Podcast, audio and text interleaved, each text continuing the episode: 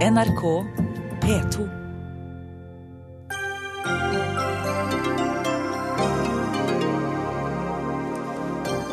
Et gedigent løftebrudd fra Høyre, sier presidenten i Legeforeningen etter at sykehusene får reduserte bevilgninger etter borgerlig budsjett. Sykehusene må bli bedre til å effektivisere, svarer Høyre. 15 år etter PISA-sjokket i 2001 er norske 15-åringer over gjennomsnittet i undersøkelsen. Kunnskapsministeren jubler, men er forskjellene egentlig så store? Dette er et minihotell, ikke bolig, sier Aps Jan Bøhler, som vil ha strengere regulering av korttidsutleie i byene. Staten skal ikke blande seg i hva folk ønsker å gjøre med eget hjem, svarer FrPs Helge André Njåstad.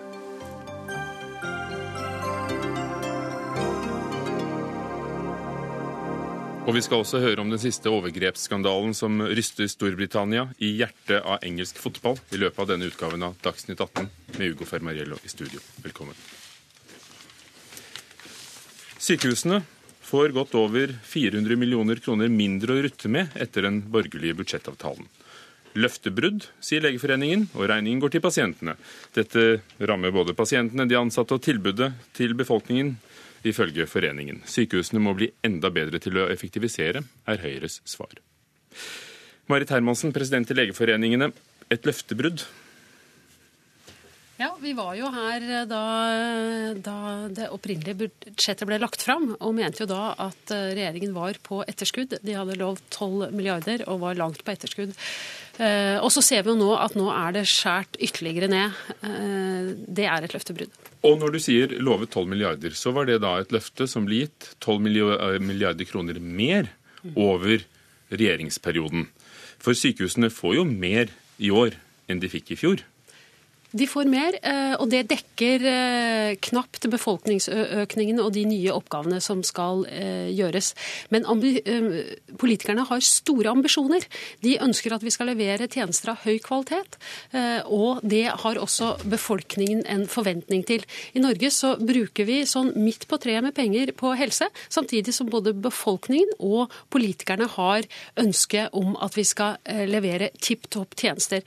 Jeg kan referere til direktøren direktøren ved et av de største sykehusene, Nils Kvernmo, som sier at eh, helsearbeidere har vært blant de som har omstilt mest i løpet av eh, de årene som, siden foretaksreformen.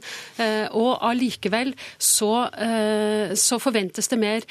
Vi, de løper fortere, leverer tjenester av høy kvalitet, og så klarer vi ikke å sette av midler til investeringer og drift, og dermed så fyrer vi med bordkledningen. For ett av resultatene av budsjettforliket mellom regjeringen, Kristelig Folkeparti og Venstre er altså at dette effektiviseringskravet på 0,8% som utgjør 430 millioner kroner, er penger som sykehusene selv må spare inn. Og før andre får ordet, hvordan, skal, hvordan kommer de til å gjøre det, så vidt du vet? Nei, altså det, det, vi ser er jo at uh, sykehusene ligger på etterskudd allerede i dag. Vi hører uh, eh, f.eks. fra Sykehuset Telemark, hvor de har masse korridorpasienter, har fått tilsyn fra fylkeslegen, hvor det er sprekker i taket, rottene løper inn, og nå hører jeg at de må stenge ØNS halsavdelingen for å spare inn 20 millioner kroner. På toppen av dette så skal de nå effektivisere. Dette er en tjeneste som allerede er på strekk. Kristin Ørmen Johnsen, stortingsrepresentant i helse- og omsorgskomiteen fra Høyre. Bent Høie kunne ikke stille i dag, men eh, dere lovet i regjeringen å styrke sykehusene med 12 milliarder over fire år i 2013. Med dette budsjettet så vil det til sammen bli 8,5 milliarder kroner. Det er da vanskelig å komme unna at dette ikke er det dere gikk til valg på? Ja, men eh, først må jeg jo si at eh, hele budsjettet for sykehusene er jo på over 140 milliarder kroner. Så vi får ganske mye helse ut av det. Det er mye penger, men her snakket vi om den økningen sykehusene har forespeilet. Ja. For selv med så mye penger, så er det, det er altså sprekker i taket og korridorpasienter. Ja, men det er noe med dimensjonene. Vi må få det. Ja, eh, det er riktig. Vi, eh, vi ønsket å gi sykehusene 12 milliarder. Men eh, jeg syns det er ganske bra at vi faktisk har fått til nær 9 milliarder i denne perioden. Og det er jo også slik at i år så legges det rette, til rette for eh, pasientvekst, selv med en eh, da redusert bevilgning som kom i budsjettforliket. Men det er jo sånn at vi har ikke fått færre helsekroner i det budsjettforliket. Vi har faktisk fått også midler til forebyggende helsetiltak, som skal gjøre at det blir færre som blir innlagt på sykehus. Ja, faktisk. Men hvis vi går tilbake til dette budsjettet, hva, hva synes du selv? Fordi det ble jo ikke akkurat det dere hadde håpet på i Høyre etter et forlik. Det ligger jo i, i, sakens natur. Men at inndekningen gikk til å øke effektiviseringene i, i sykehusene. Du er jo selv utdannet sykepleier lektor i sykepleiervitenskap, sittet i, i styret for både Rikshospitalet og, og Helse Sør. Hvor vil du, hvis du satt i styret til Helse Sør eller Rikshospitalet nå, hvor vil du hente inn disse 0,8 prosentene som sykehusene blir tvunget til å hente inn? Ja, jeg vil si to ting. Først så tenker jeg at vi må eh, ikke eh, løpe raskere, nei, ikke, eller taste raskere. Vi må kanskje tenke litt smartere. Eh, dette pakkeforløpet på kreft er jo ett eksempel på det, hvor vi har systematisert, laget nye metoder. 34 000 personer er inne i det pakkeforløpet. Det er en type positiv effektivisering. Og så er det at man må jo også, Nå er det jo sånn at uh, jeg støtter jo ikke helt den elendighetsbeskrivelsen at det er rotter rundt på sykehusene våre. Men uh, fordi at de regionale nivåene de går jo faktisk med overskudd, så vi får jo se først da, hvordan man skal da rigge til eh, dette budsjettet som nå legg, legges ut. Men jeg tror at vi fremover altså Vi har ikke noe sånn Sareptas krukke i Norge. Vi må øke helsebudsjettene, ja. Jeg er veldig tilhenger av det. Men vi må også se på hvordan vi kan gjøre ting smartere, litt annerledes. jeg vet jo at det er pasienter som har en lidelse som kan uh, bli operert på dagkirurgi et sted, ha åpen retur og så komme tilbake på poliklinikk. Andre steder ligger de inne i tre dager. Vi må se på hvordan vi jobber og lære av de som er best. Så det er det, Nå glemte jeg nesten selv hva jeg hadde spurt om, men ja, altså, det, er, det, er, det du hadde gjort hvis du satt i et styre i et helseforetak i dag og sett på om pasientene må ligge så lenge, sett på uh, forløpene for behandling? Ja, altså hva slags logistikk har vi på sykehusene? Kan vi tenke noe, noe smartere hvis det er satt i et uh, helseforetaksstyre? Og så se på helseforetaket under ett. Hvordan kan vi gjøre ting bedre der? Og så må vi jo da vente og se, da. Uh, budsjettet er jo ikke delt ut enda til uh, sykehusene. Kjersti Toppe, helsepolitisk talskvinne og medlem av helse- og omsorgskomiteen fra Senterpartiet. Hvilke konsekvenser vil det budsjettet som nå ble stemt i går, få for sykehusene, som du ser det? Jeg tror det får eh, store konsekvenser, og jeg eh, oppfatter det som Høyre gjør nå, det er en bagatellisering av virkeligheten der ute. Eh, norske sykehus er allerede sterkt pressa. Vi har den korteste liggetida blant de fleste land ellers i Europa. Vi har en høy beleggprosent, altså korridorpasienter. Og vi, har, vi opplever kutt både i rus og psykiatri, i ambulanse, og vi vet at en har problemer med å finansiere legemidler. Det er situasjonen. Eh, og Høyre har jo sjøl sagt at det er behov for 12 milliarder, eh, og har ikke klart det. Men det verste er jo at eh, KrF og Venstre i budsjettavtalen har klart å øke effektiviseringskravet med 0,3% og det mener jeg er uansvarlig budsjettering. fordi det, det, er jo ikke mindre sykdommer ute i Norge neste år. Men, men er det ikke og, også sånn i sykehusene, som vi hører har vært blant dem som har omstilt seg mest, at det er ja. noe å hente på at teknologien ser annerledes ut? At ja, noen behandlinger vi... kanskje er mer ja, effektive? Og det har jo vi gjort. ikke sant? Vi har jo Sengetallet i norske sykehus er blitt halvert de siste 20 årene. Vi gjør veldig masse poliklinisk og mindre på døgn, og, vi, eh, og de har effektivisert seg hele veien. Men til og med regjeringen skriver jo i budsjettproposisjonen sin at når de øker effektivisering med 0,5% så gir de mesteparten tilbake igjen fordi at sykehus skal òg gå med overskudd fordi at de må sørge for sine investeringer sjøl.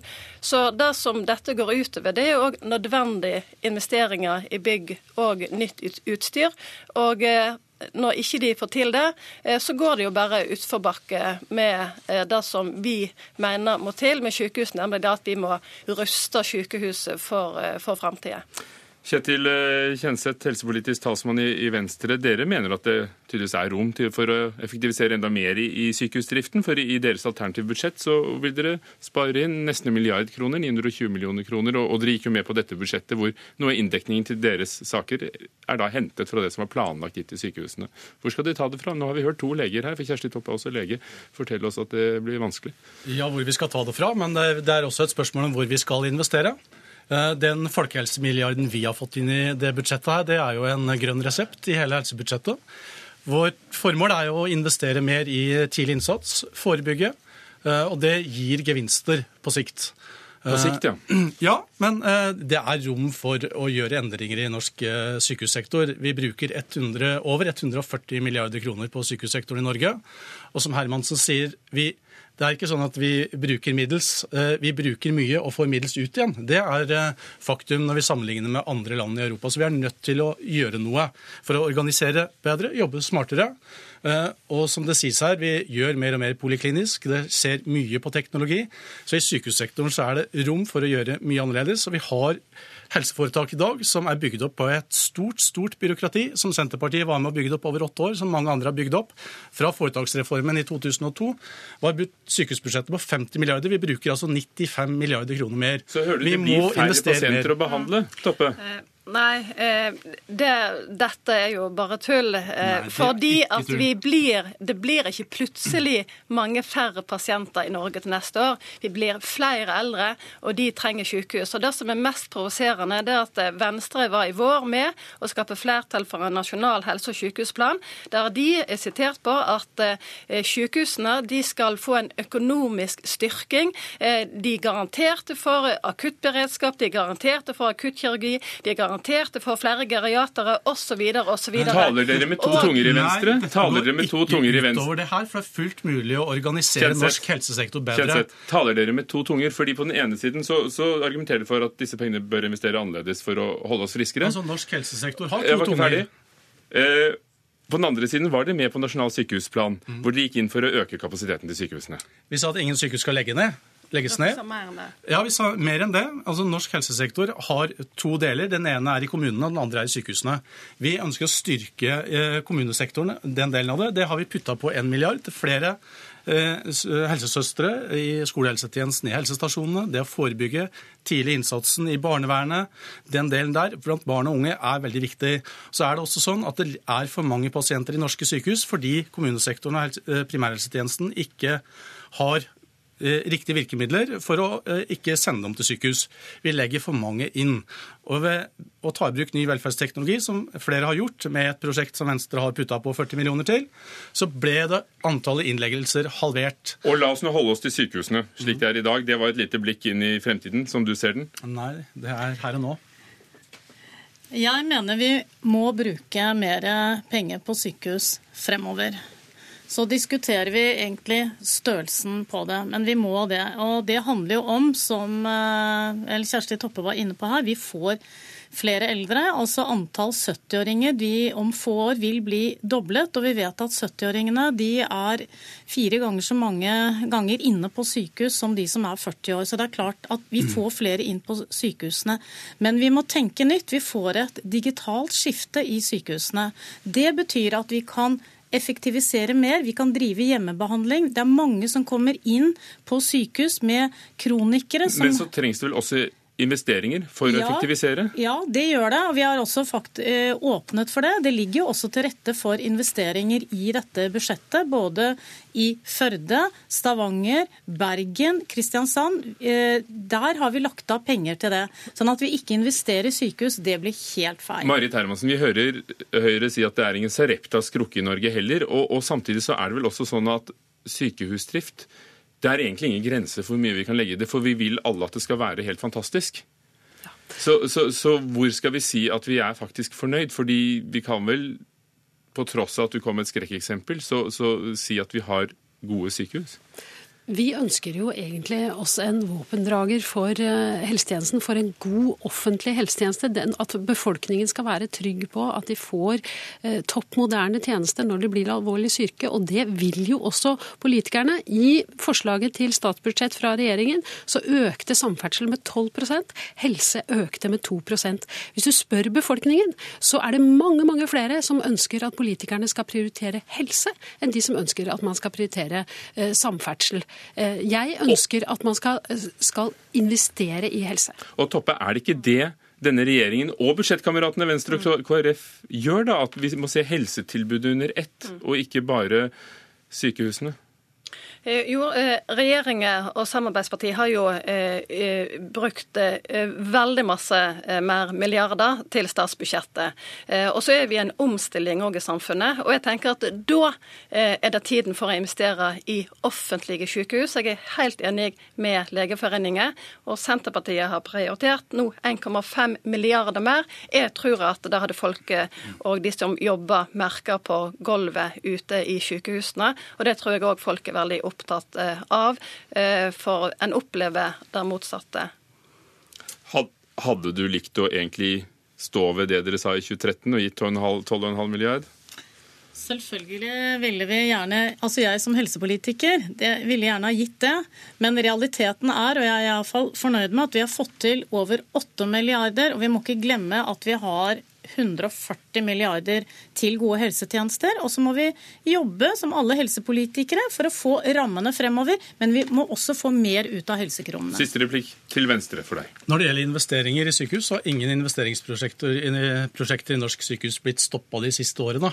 Så er det også sånn at det nyeste sykehuset i Norge, sykehuset i Østfold, som har kosta mye penger. Eh, det går med nesten en halv milliard i underskudd. Eh, så det å investere er også en utfordring. Og vi har roboter der som ikke finner fram. For det å bli syk er neppe noe overskuddsprosjekt.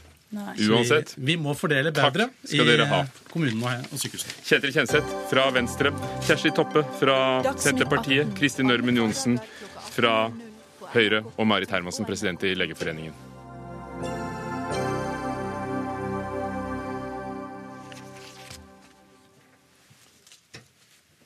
Norske elever gjør det for første gang bedre enn OECD-gjennomsnittet i alle fagområdene PISA-undersøkelsen måler, og det er nemlig lesing, matematikk og naturfag. Og det er blitt stille arbeidsro i norske klasserom i den tiden som er gått fra 2003, da vi begynte med det, til 2015. Marit Kjernsli, prosjektleder for PISA 2015, forsker ved Universitetet i Oslo. Målet med undersøkelsen er å kartlegge 15-åringers ferdigheter. Hva overrasker deg mest når resultatene kommer? Jeg var vel ikke så veldig overrasket, fordi det har vært en eh, lang jobbing og systematisk eh, satsing på leseopplæring i, over lengre tid. Så at eh, leseprestasjonene f.eks. er blitt bedre, var noe vi hadde forventet eller håpet. Hvor mye bedre? Altså, Hvordan måles dette? Det måles eh, med gjennomsnittlige prestasjoner for hvert land. Og eh, nå Det vi eh, ser på, det er Jeg husker ikke akkurat hva det var. Ja, 513. Men de poengene de betyr Et sånt poeng betyr Da må jeg se etter hvis du skal ha akkurat Nei, altså, poengene. Er, vi, ligger, vi havnet på 24.-plass. Nei. Nei, nei, Ikke lesing, men totalt i PISA? Nei. Hvor er vi havnet da? Vi har ikke noe Er det ingen rangering av landene? Jeg teller aldri plasser når det gjelder rangering i PISA, men det vi ser er at i lesing så er vi jo blant de aller beste landene i, i, av OECD-landene. Det er bare tre land som eh, presterer bedre enn de norske elevene. Mm. De andre fagene? I eh, naturfag så er vi litt nærmere i OECD-gjennomsnittet, mens i matematikk så er vi da også litt høyere igjen. Men eh, som sagt, det å rangere land det er litt meningsløst, fordi at eh, ved hvert målingspunkt så er det en standardfeil som man må ta hensyn til. Så det er mange land som presterer omtrent likt. For det var jo det jeg hadde tenkt å, å spørre om også, ja. om det hadde noe hensikt. Mm. I 2003 rapporterte 41% av elevene om bråk og uro i timene. I fjor så hadde denne andelen sunket til 25 Hva har skjedd på de årene? Hvorfor er det blitt eh, roligere i klasserommene? Jeg tror at det ble en oppvekker etter at vi fikk de resultatene i 2003. Fordi at uh, veldig mange kjente seg igjen, at det var blitt mye bråk og uro. Det tok lang tid før undervisningen uh, satte i gang. Og dette er jo områder som det relativt fort kan gjøre endringer. Og vi vet at det ble satt i gang endringer med f.eks. at lærere var i klasserommet når undervisningen startet osv. Så, videre. så her er det gjort en god innsats på skolene. PISA ble sist eh, foretatt i 2012, og da viste den at eh, norske elever var blitt dårligere i matematikk og naturfag siden 2009, som var eh, foregående undersøkelsen, men bedre i, lesing. Og hva er grunnen til uh, oppsvingen nå? For det første så syns jeg det er litt spesielt å snakke om akkurat de små endringene fra gang til gang. Det er mye bedre å sette, se det litt over lengre tid. Og eh, sånn sett i fjor, eller i 2012 så sa vi at norske resultater er stabile over tid. Eh, det vi ser nå, er at det er en positiv endring fra 2006 til 2005. Men det å se på hver gang litt opp og litt ned, da må du ta med måleusikkerhet og om det er virkelig en reell endring eller ikke. For hvor store er egentlig forskjellene? Mellom da, fra da vi begynte til nå? I, når vi ser på fagene, og ikke det at det stiller timene, for det er jo helt tydelig. Fra vi begynte PISA i lesing, så til nå så er det ikke veldig store forskjeller. Men det vi så, var at det var en nedgang til 2006. Og det var det i, eh, også, selv om vi ikke hadde eh, så sikre mål på det i matematikk og naturfag, men også i andre undersøkelser, sånn som i TIMS, så var det en nedgang fra, TIMS, eh, eller fra 95 til 2003. Sånn at vi så at det var en tendens til nedgang i i norsk skole. Mm. Og så har vi sett framgang seinere. Torbjørn Røe Isaksen, kunnskapsminister fra Høyre. TIMS er jo den undersøkelsen som kom for uh, bare et par uker siden. Og, nå har vi altså PISA, og norske elever gjør det bedre. Hvem har æren for at uh, 15-åringene får til dette? Først og fremst de som skaper norsk skole hver eneste dag. Og det er jo ikke politikerne, det er jo lærerne skoleledere. Så, så, det er de som først og fremst har æren. fordi at uavhengig av hva vi vedtar, så er det ute i skolene, i hvert enkelt klasserom, når man ser hver, hver enkelt elev hver eneste dag, at, at, god skole skapes. Men så mener jeg også at uh, vi er nødt til å se i skolen de litt lange linjene. Uh, så jeg mener at det skjedde en avgjørende snuoperasjon i norsk skole med Kunnskapsløftet, som ble utviklet under Kristin Clemet sist Høyre satt i regjering. Uh, og det ble jo til slutt vedtatt med ganske bredt flertall på Stortinget. Og så mener jeg selvfølgelig også at vi har gjort viktige ting i denne perioden med satsing på videreutdanning, f.eks. helt ny lærerutdanning, krav til fordypning i, i viktige undervisningsfag i skolen.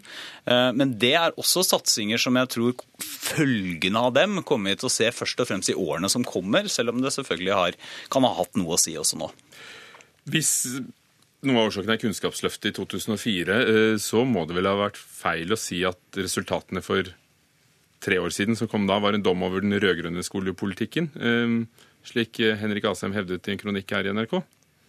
Ja, altså, om, om, eh, Det som var bekymringsfullt eh, med de resultatene som jeg la fram i 2013, det var jo at det kunne se ut som, eller man kunne i hvert fall frykte, at eh, oppgangen vår hadde vært midlertidig, og at vi, vi, så ut som vi kanskje var i ferd med å få en nedgang igjen, særlig på matematikk og naturfag.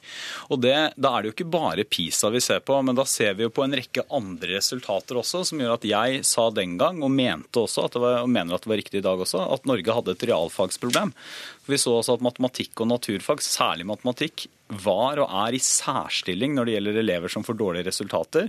Var og er i særstilling når det gjelder elever som får stryk i faget. En av de største årsakene til drop-out osv.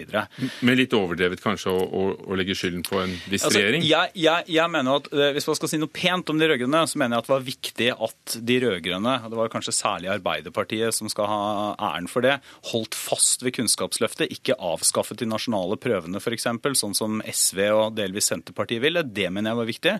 Men så mener jeg også at trykket på endring, trykket på uh, læring i skolen, var svakere under de åtte rød-grønne årene enn det det burde vært. Men det er en fin overgang til Marianne Aasen fra Arbeiderpartiet i utdanningskomiteen på Stortinget.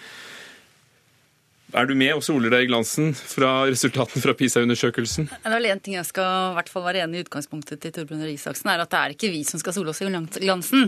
Og dette er, eh, det er ikke VM i skole, for det første, jf. dette med rangering. Jeg prøvde jo å få ut uh, ja, det er det ikke.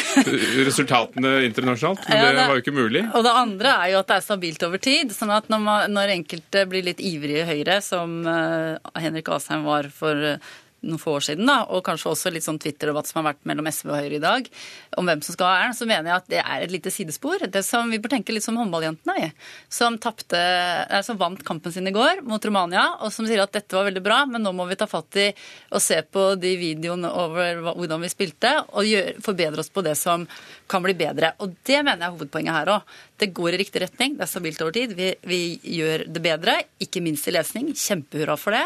Men det er fortsatt 20% av barna, én av fire, som leser svært dårlig, egentlig, og som vil få problemer på arbeidsmarkedet. Og det er der vi må sette inn støtet, og det er det vi må være opptatt av. Hvordan vi skal få til det.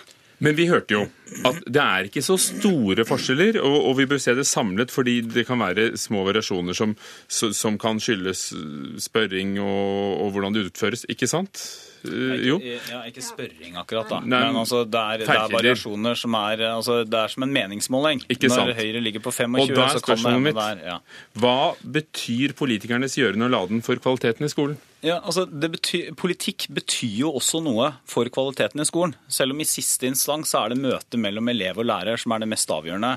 Og jeg syns det er påfallende på sosiale medier i dag at deler av venstresida forsøker å Eh, at, at, Høyre må forklare deler av venstresida at politikk har faktisk noe å si. Og det har noe å si at man tok, tok kunnskap tilbake til kjernen av norsk skole. Det var viktig.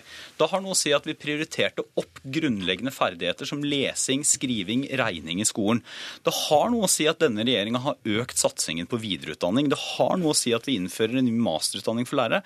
Alt det har noe å si. Det betyr ikke at æren for et godt resultat skal tilfalle politikerne. Men det er klart de politiske rammene, kunnskapspolitikken, har noe å si for også hvordan det går i norsk skole. Ja, og derfor satte da Trond Giske ned eh, assessentutvalget, som var basisen for Kunnskapsløftet. Og det var ikke bare Kristin Clemet, mener du? Det var ikke bare det, men hun gjorde, gjerne... tok jo over da fra 2001 til 2005 og jobbet med det i departementet. Det ble da inn eh, i, eh, i, Stortinget, hvor det ble et bredt flertall, og, der, og så var det vi som tok over i 2005. Og en del av de tingene vi gjorde, som jeg mener var helt riktig, for vi hadde lavest blant de laveste i Europa på timer i norsk og matematikk. Det la Arbeiderpartiet og de rød-grønne inn.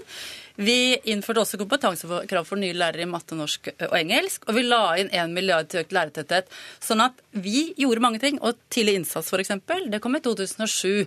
Eh, og satsing på grunnleggende ferdigheter ble, ble, ble stressa hele tiden. Sånn at læringstrykket var der. Det tror jeg mange i norsk skole har opplevd. og at alle vi som har vært på besøk i skolen i alle disse årene, har jo opplevd gode leseprogrammer i hver eneste klasse, i hver eneste skole vi har vært, fordi at dette har vært jobba over i mange, mange år, lenge før Røe Isaksen ble uh, kunnskapsminister. Men så er jo kritikken fra bl.a. Eh, noen av lærerne at det sier ikke noe om hele læringssituasjonen, om hele eleven. Og trenger vi PISA når vi har nasjonale prøver? Ja, det gjør vi. For det er relevant også å sammenligne oss med andre land. og Dette er også verdens største skoleforskningsprosjekt, så selvfølgelig skal Norge være med i, på det.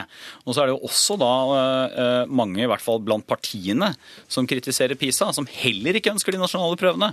Og da lever man jo den villfarelse at skolen blir bedre hvis vi ikke vet noe om skolen. Hvis man ikke foreldre, elever, folk rundt som er interessert i samfunnet får informasjon om skolen.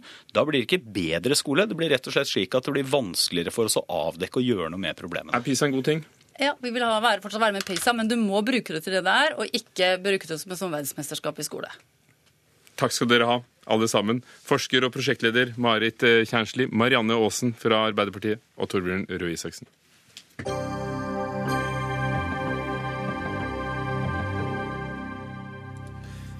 Vi skal til Kristiansand. Der har det pågående en pressekonferanse.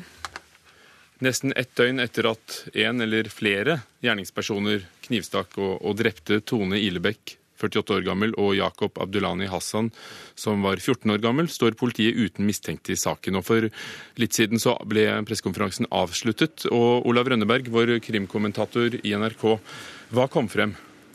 Det kom ikke noe oppsiktsvekkende nytt på denne pressekonferansen. Politiet ga en status og opplyste at de fortsatt ikke har noen mistenkte eller siktede.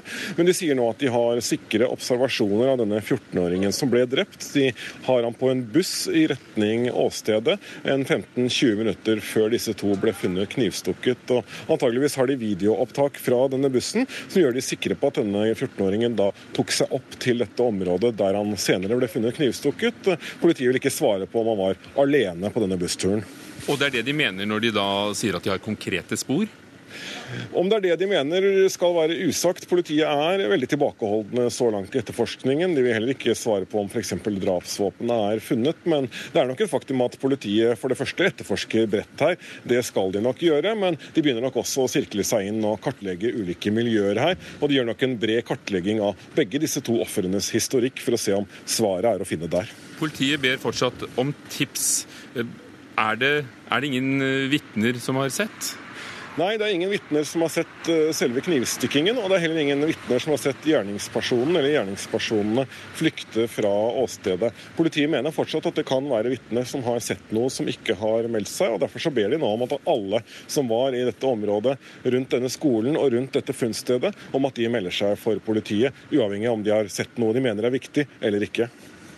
Finnes det noe teori om, om hva som kan ha skjedd, og, og, og hvorfor det ble disse ofrene? For de har tidligere sagt at de ikke har funnet noen forbindelse mellom kvinnen og, gutten. Det er det spesielle at politiet holder fast på her, at de mener at det ikke var noen forbindelse mellom de to drapsofrene. Men politiet vil ikke svare på om de har funnet noe i historikken til en av de som indikerer at svaret kan være å finne der. Men en sentral teori er nok at det kan være noe i fortiden til en av disse som de må undersøke nærmere. Vi vet at politiet kartlegger begge to brett, som jeg var inne på. Vi vet at en rekke venner, bekjente og familiemedlemmer har vært inne til avhør hos politiet i dag, nettopp for at politiet skal kunne danne seg et best best mulig bilde av disse to. Historikken viser jo, erfaringen viser jo i drapssaker at svaret ofte er å ligge i offerets fortid. Takk, Olav Rønneberg, krimkommentator, som har vært på pressekonferansen i Kristiansand.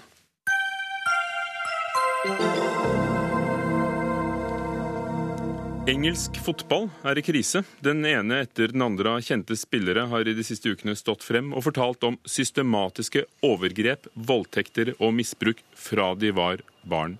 Til nå av har eh, ingen sagt noe. Det er ikke lenge siden at en kjent spiller fikk eh, over en halv million kroner for å holde munn, og han spilte på, på Chelsea, som eh, vant Premier League, så, så, som er lederen av Premier League for tiden. Men nå fortalte han eh, på lørdag sin historie til BBC. En av mange overgrepshistorier mot barn og unge gutter i de største klubbene i, i, i Storbritannia. Espen Aas, vår korrespondent i, i London. Hvem er rammet av denne skandalen? Ja, Dette er jo selvsagt eh, en skandale som først og fremst rammer mange ofre. Vi vet jo ikke engang hvor mange det er snakk om. Men kanskje er det så mange som 350 personer som, har, som det har blitt begått overgrep mot. Så mange har i alle fall meldt seg nå og sagt at uh, dette har skjedd mot dem. De fordeler seg over en titalls med klubber fordelt utover Storbritannia. Uh, ikke bare i England, men også i, i Nord-Irland, Skottland. Uh, og det er altså en rekke politidistrikter som nå også er involvert i denne saken og har startet etterforskningen. Og så er det jo eh, selvsagt eh, mange navn som sirkulerer. Det er eh, mange mistanker, og det er mange beskyldninger.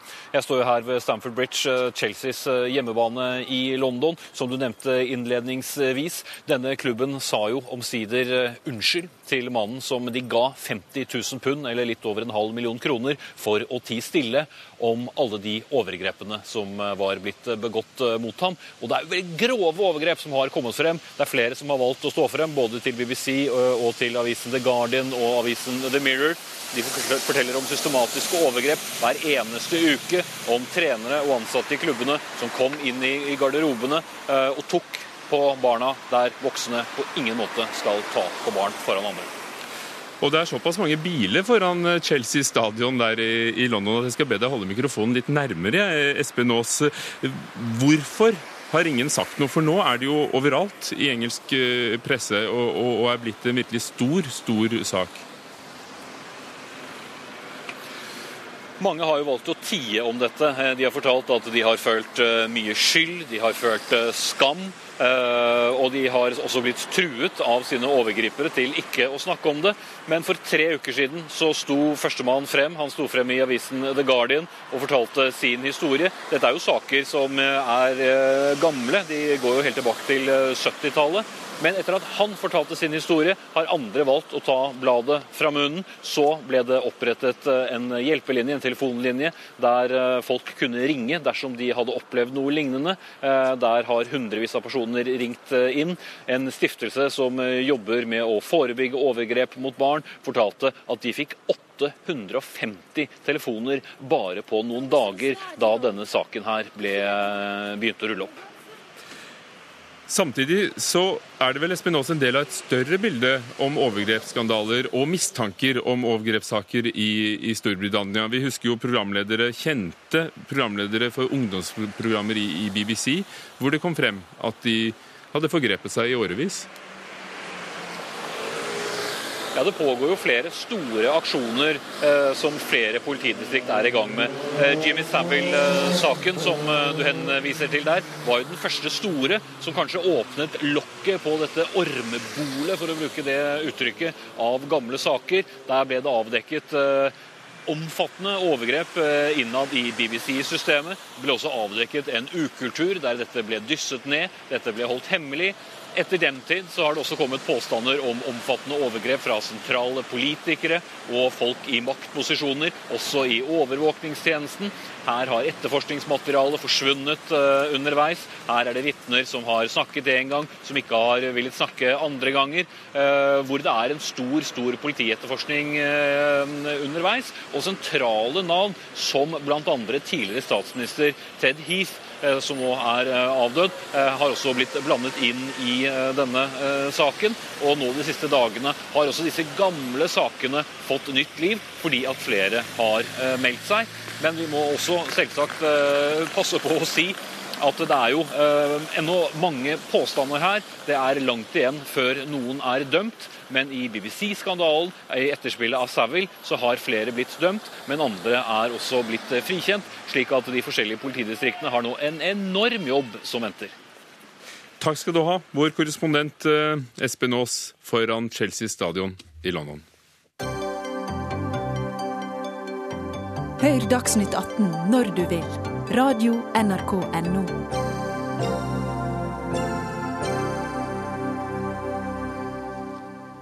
Ble norske samfunnstopper brukt som brikker i et spill i jakten på verdens kanskje mest prestisjefulle pris? I flere år skal det altså ha pågått en velregissert kampanje for å skaffe Nobels fredspris til Sør-Koreas president Kim Da-jung, som han fikk til slutt i 2000. Alt dette ifølge en ny bok, 'Jakten på Nobels fredspris'. Boken er skrevet av den amerikanske journalisten og forfatteren Donald Kirk og Kim Kisam, som er avhopper fra Sør-Koreas etterretningstjeneste og burde ha god innsikt.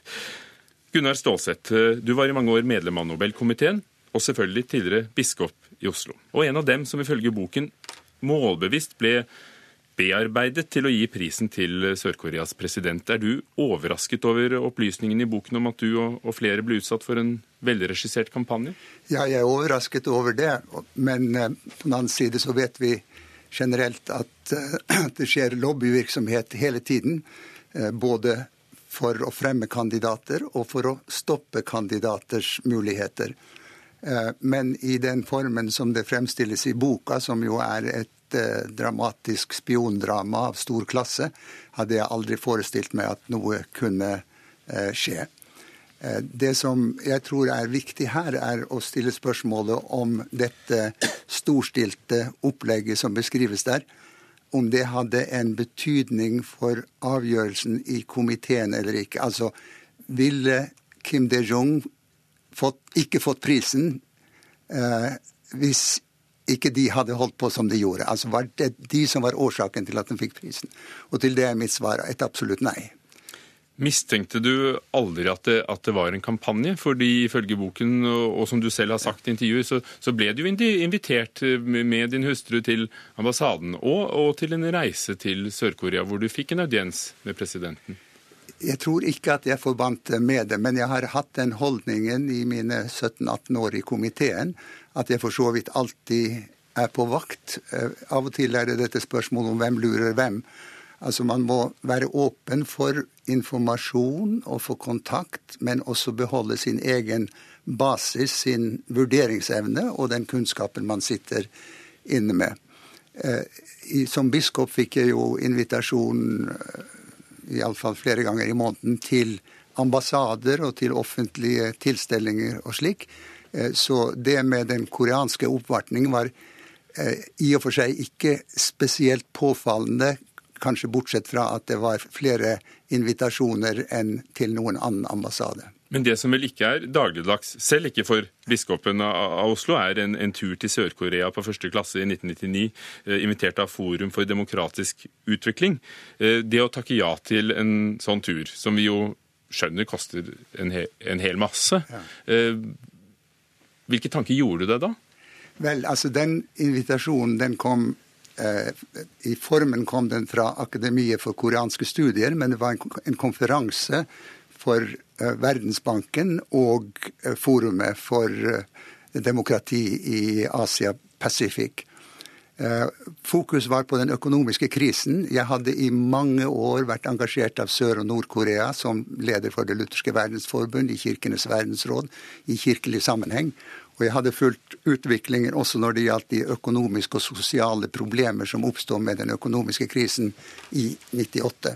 Så da jeg ble invitert til å holde et foredrag om verdien av verdier, altså et alternativ til den markedsøkonomiske tilnærmingen, og innledere på konferansen var Kim De-jong og Verdensbankens sjef Wolfenson.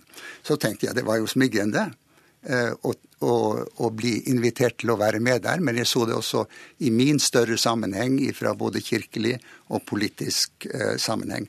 Det var ikke en invitasjon fra presidenten, det var ikke en invitasjon fra regjeringen, men fra dette eh, instituttet som sto, eh, som sto bak konferansen. Som du tenker er helt uavhengig? Jeg Tenkte det, da tenkte jeg det var helt uavhengig. Og så gikk det slik at da vi skrev oktober 2000, så skjedde dette. And now I will invite President Kim Dae-jung, the year 2000 laureate, to come forward and give his Nobel lecture. Please.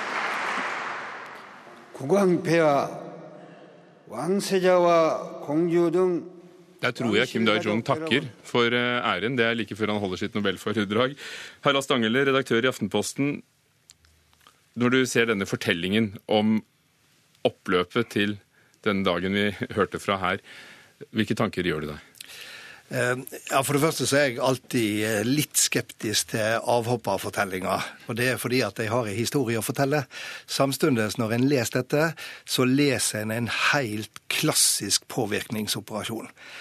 Det er sterke krefter bak, det er mye økonomi, og det er et klart mål. Og målet var Nobel fredspris til den sørkoreanske presidenten.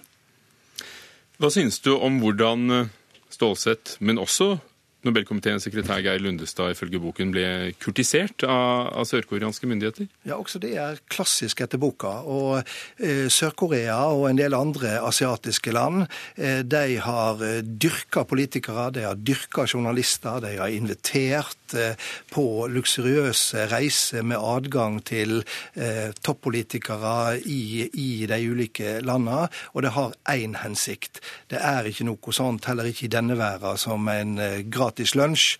Eh, noe er, eh, har en hensikt. Og her var det veldig klart. En skulle berede grunnen for ei veldig positiv innstilling til eh, Kim Da-jung som nobelprisvinner. Var det det som fungerte, tror du? Eh, nei. Eh, jeg tror det fungerte at en her har vært utsatt for eh, premissmakt. At en, eh, at en, får inn en del eh, hyggelige premisser, en forstår bedre hva som skjer. Men hvis ikke Kim Da-jung hadde reist til Pyongyang og møtt Kim Jong-il, altså den nordkoreanske lederen, så hadde ikke dette resultert i noe, noe pris. Og det møtet er det blitt kjent i ettertid. Det, I forkant av det møtet så betalte Sør-Korea i hvert fall 5 milliarder kroner, 450 millioner dollar, gjennom Hundai-konsernet, men ifølge visse kilder antageligvis mye mer.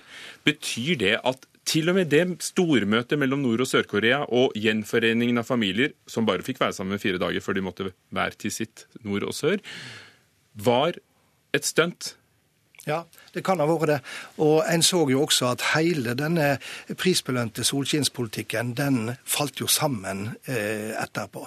Bemerkelsesverdig eh, fort. Den sto på en måte på leirføtter. Det kunne ikke Nobelkomiteen vite i 2000, eh, men jeg kunne likt å, å fått svar på spørsmålet ville komiteen ha gitt den sørkoreanske presidenten denne prisen, den viktigste og mest prestisjefylte fredsprisen i verden, hvis de hadde visst den gangen at det var så store beløp ute og gikk via et privat bilfirma eh, som var involvert i korrupsjon. Naturligvis ville komiteen ikke gjort det. Komiteen har mange ganger eh, vært i stand til å gjennomskue plott. Og det som i alle fall har vært sikkert, at hvis det har vært en åpenbar lobbyvirksomhet, så har det satt kroken på døra i komiteen. Var dere naive? I ettertid så kan det hende at vi skulle vært enda mer kritiske, men vi, alle disse tingene må bedømmes i samtid. Hva kunne vi vite på det tidspunktet? Og da var vi på linje med statsledere så å si over hele verden, med media over hele verden, med kulturpersonligheter, med fredsforskere. Det var veldig få som ikke støttet eh, fredsprisen til, eh, til, Kim De-jong. Så hvis vi eh, i ettertid nå får disse opplysningene, så har ikke jeg noen vanskeligheter for å si at, at eh, hadde det foreligget da, så hadde det aldri blitt en fredspris til Kim De-jong. Han døde i 2009, ellers hadde vi selvfølgelig spurt ham om å være med her i kveld. Olav Njølstad, dagens sekretær for eh, Den norske nobelkomité. Reiser komitémedlemmene i dag på, på, turer til fjerne himmelstrøk og for å møte presidenter? Komiteen reiser og bør reise for å uh, sette seg inn i uh, internasjonale forhold som kan ha relevans for prisen. Det er viktig å skaffe seg informasjon og egne inntrykk. Eh, men vi har jo innført et regelverk som ble innført i 2014, som skal håndtere denne type problemstillinger. Eh, habilitet, taushetsplikt og korrupsjon. Og dette er problemstillinger som er følbare ikke bare for Den norske Nobelkomité, men for alle Nobelkomiteene. De er svært ettertraktede, disse prisene, og da er det alltid en fare for at noen vil prøve å påvirke komiteene. Men så er det jo det at komitémedlemmene har jo også sine andre liv. De kan være biskoper eller politikere, og, og i, som det bli invitert uh, og til steder Det kan være et foredrag, som Stålsett ble, ble invitert til. Uh, altså, Hvor går den grensen? Ja, Den grensen er veldig vanskelig, og den må vurderes fra gang til gang. Case to case. Uh, og vi kan si Nå er tommelfingerregelen at er du i det minste tvil, så skal du, du skal informere komiteen. Sånn at alle er informert, og sekretæren er informert. Og vi har også som en helt fast regel at du skal ikke i dag under noen omstendighet akseptere at noen betaler reisen for deg. Enten det er på første klasse eller vanlig, business, eh, vanlig economy class. Hvis det kan mistenkes at enten den som betaler for deg, selv er kandidat, eller støtter en bestemt kandidat. Så der har vi nok en veldig mye strengere policy nå. For vi må jo ha tillit til komitémedlemmene, Stanghelle? Ja da, og det er ingenting i det materialet som er kommet fram eh, til nå om at komiteen skulle være korrupt, eller at komiteen har tatt imot bestikkelser. Men var de naive, syns du?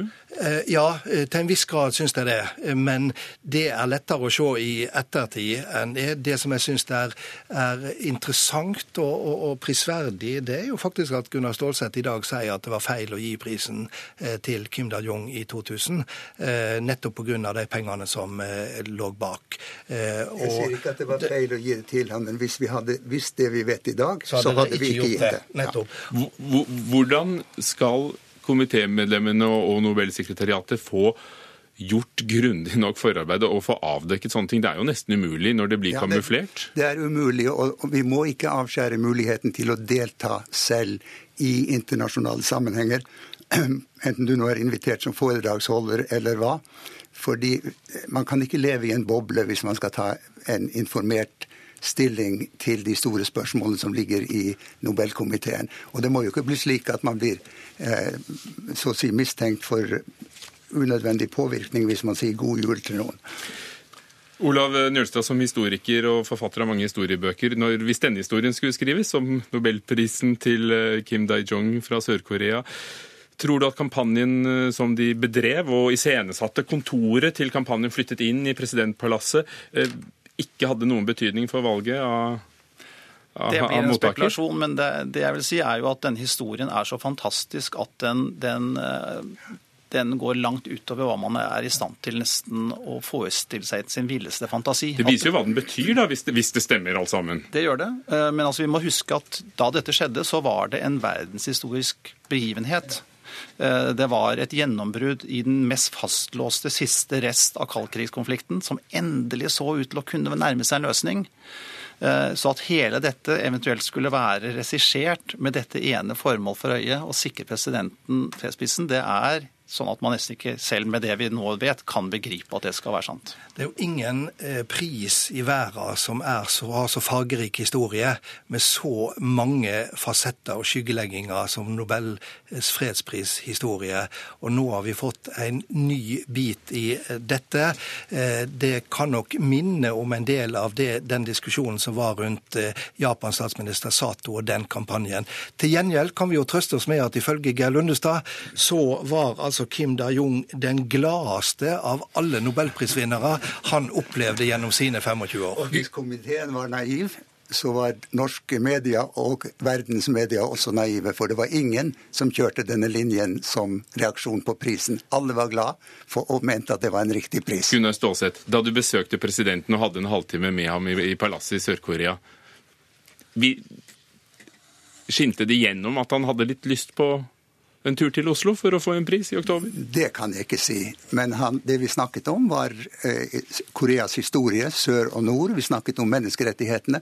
Og vi snakket også om hans engasjement i, kirke, i et kirkelig perspektiv, som jeg hadde fulgt siden 1970 og framover. Og, han, og hans kone var veldig engasjert i det. Takk skal dere ha.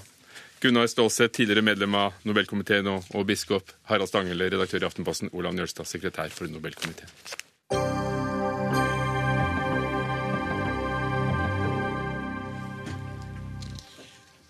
Gjør som de har gjort i Barcelona eller New York. Reguler Airbnb-utleie, slik at det ikke blir like lønnsomt å kjøpe bolig for å leie ut, sier Arbeiderpartiets Jan Bøhler på Oslo-benken i Stortinget til NRK i dag.